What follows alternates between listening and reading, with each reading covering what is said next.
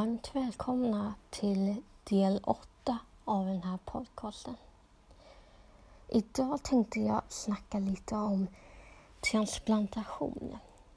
För det är ändå en av de grejerna som just det innehåller i mitt liv just nu. För ett tag sedan så gjorde jag en transplantation. Jag fick en ny lever. En lever som räddade mitt liv. Och jag tänkte att jag skulle börja från början. Jag fick mitt besked. Och jag gjorde mig redo för att nu ska jag äntligen få en lever, förhoppningsvis. Jag hade bara sex månader kvar att leva. Så det gäller att levern kommer snabbt. Och från den dagen jag får höra att nu står på listan så var det bara att packa en resväska. Alltid ha med mig den vart jag än går. Om jag ska handla, om jag ska hämta posten i princip så borde jag ha den. Tack och lov så är brevlådorna så nära mig så jag behöver inte ha väska med mig. Men om jag hade behövt ta en promenad för att komma till brevlådan, absolut, då skulle jag behöva väska med mig.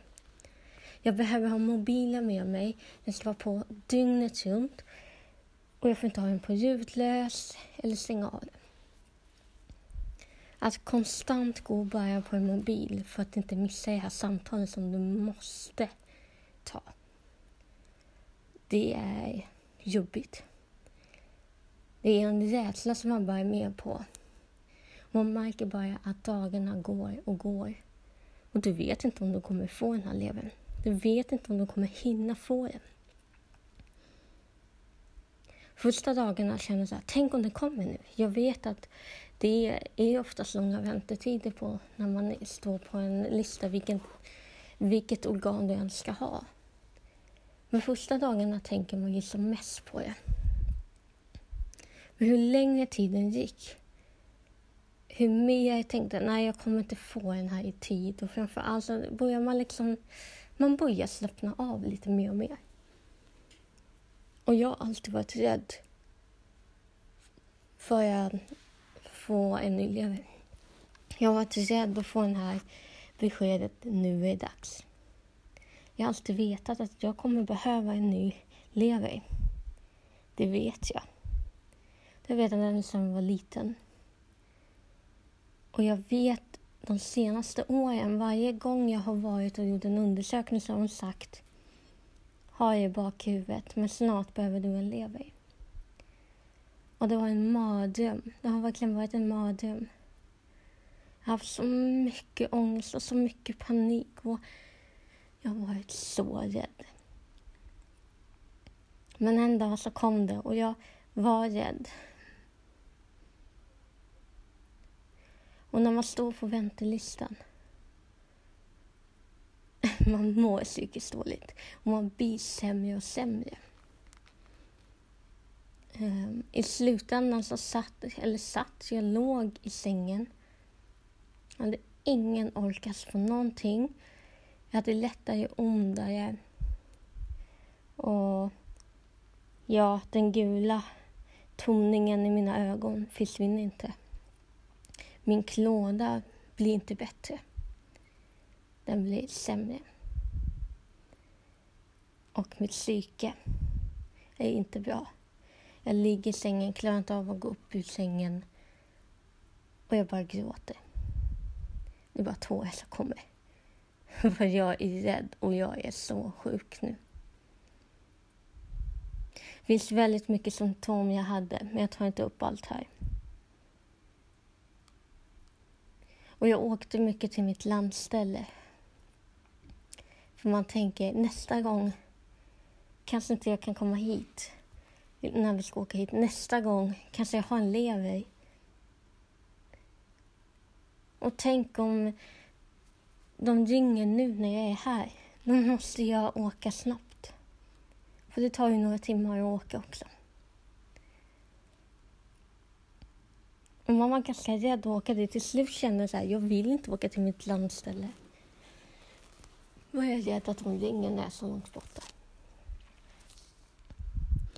Jag åker för till mitt landställe och som vanligt säger jag till, nu är jag på landet, men jag kommer hem på söndag kväll. För att jag måste säga till när jag är på landet eller inte. Jag åker hem och runt vid femtiden på morgonen, då ringer de och säger din lever har kommit. Och just det här med att jag hann hem precis. Eh, det tog ungefär fem månader för mig. Så snacka om att det var hög tid. Jag har bara en månad på mig att överleva. Och det konstiga är nog eh, att jag är så panik och var så panikslagen över den här transplantationen. Men när de ringer är jag så lugn. Jag har aldrig varit så lugn i hela mitt liv. Aldrig. Vad är det som händer med min kropp? Varför är jag så lugn? Jag borde vara skräckslagen. Jag borde gråta. Jag borde ramla ihop. För jag är rädd.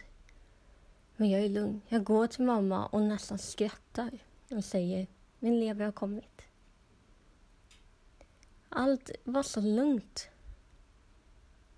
Ja, till slut så tog jag taxin och kom in. Och just det här med coronatider. jag får inte säga hej då till mamma, jag får inte krama henne. Jag skriver ett avskedsbrev till mina syskon. För att jag inte ska överleva. Jag hoppas bara att jag gör det. Men de ska få ha ett sista ord om mig innan det är dags. Det ska jag. Jag skriver, jag åker in, jag gör allt som jag ska. Tiden ändras typ tre gånger fram och tillbaka när jag ska åka ner. Jag åker ner och jag somnar. Jag somnar verkligen och vaknar upp. Ett annat avsnitt ska jag ta nästa del. Men det här var historien om hur det är att vänta. Hur jag väntar på en transplantation. Det finns så mycket detaljer jag skulle kunna säga. Men det blir tråkigt att lyssna då. Så jag säger bara så här. En transplantation är en operation. Det är en operation som man behöver när inga behandlingar fungerar. Det är en behandling som gör att du överlever. Om allt går bra, såklart. En transplantation innebär inte att man är frisk efter. Ofta så lever man ett i princip helt normalt liv. Förutom den lilla detaljen att du behöver känna efter om det är något fel med din lever i mitt fall, eller andra organ. Du behöver ta blodprov, ändå konstant. I början jätteofta, men det, det glesas ut. Men det kommer ändå få göra det mellan varven. Läkare får du träffa mycket.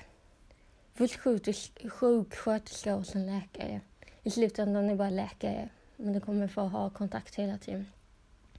Du kommer äta medicin som är jättemycket. Jag åt nog, jag vet inte vad max är, men jag tror att det var runt 30 mediciner per dag. Det kommer du äta. Det kommer glesas ut, för utan några mediciner som du kommer få äta hela livet ut. Ja, ta de här grejerna, för mig är inte det att vara helt frisk. För mig är det att du kommer alltid få gå på en behandling för att må bra.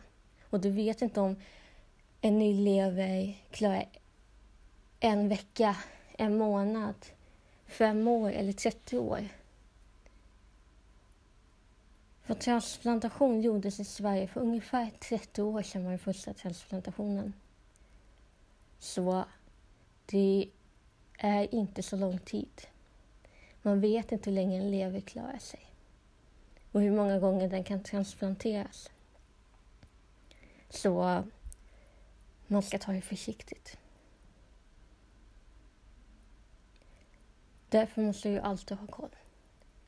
Jag kommer aldrig bli helt frisk. Men förhoppningsvis kommer jag må så bra att jag ändå kan ha ett hyfsat normalt liv. Hur jag mår och vad som händer efter det här samtalet och efter den här operationen, det berättar jag i ett annat avsnitt. Tack så mycket för att ni lyssnar på denna avsnitt, avsnitt nummer åtta. Så ses vi på onsdag igen. Kram på er och glöm inte bort hur fantastiska och älskade ni är. Det finns inga bättre människor som du. Kram på er.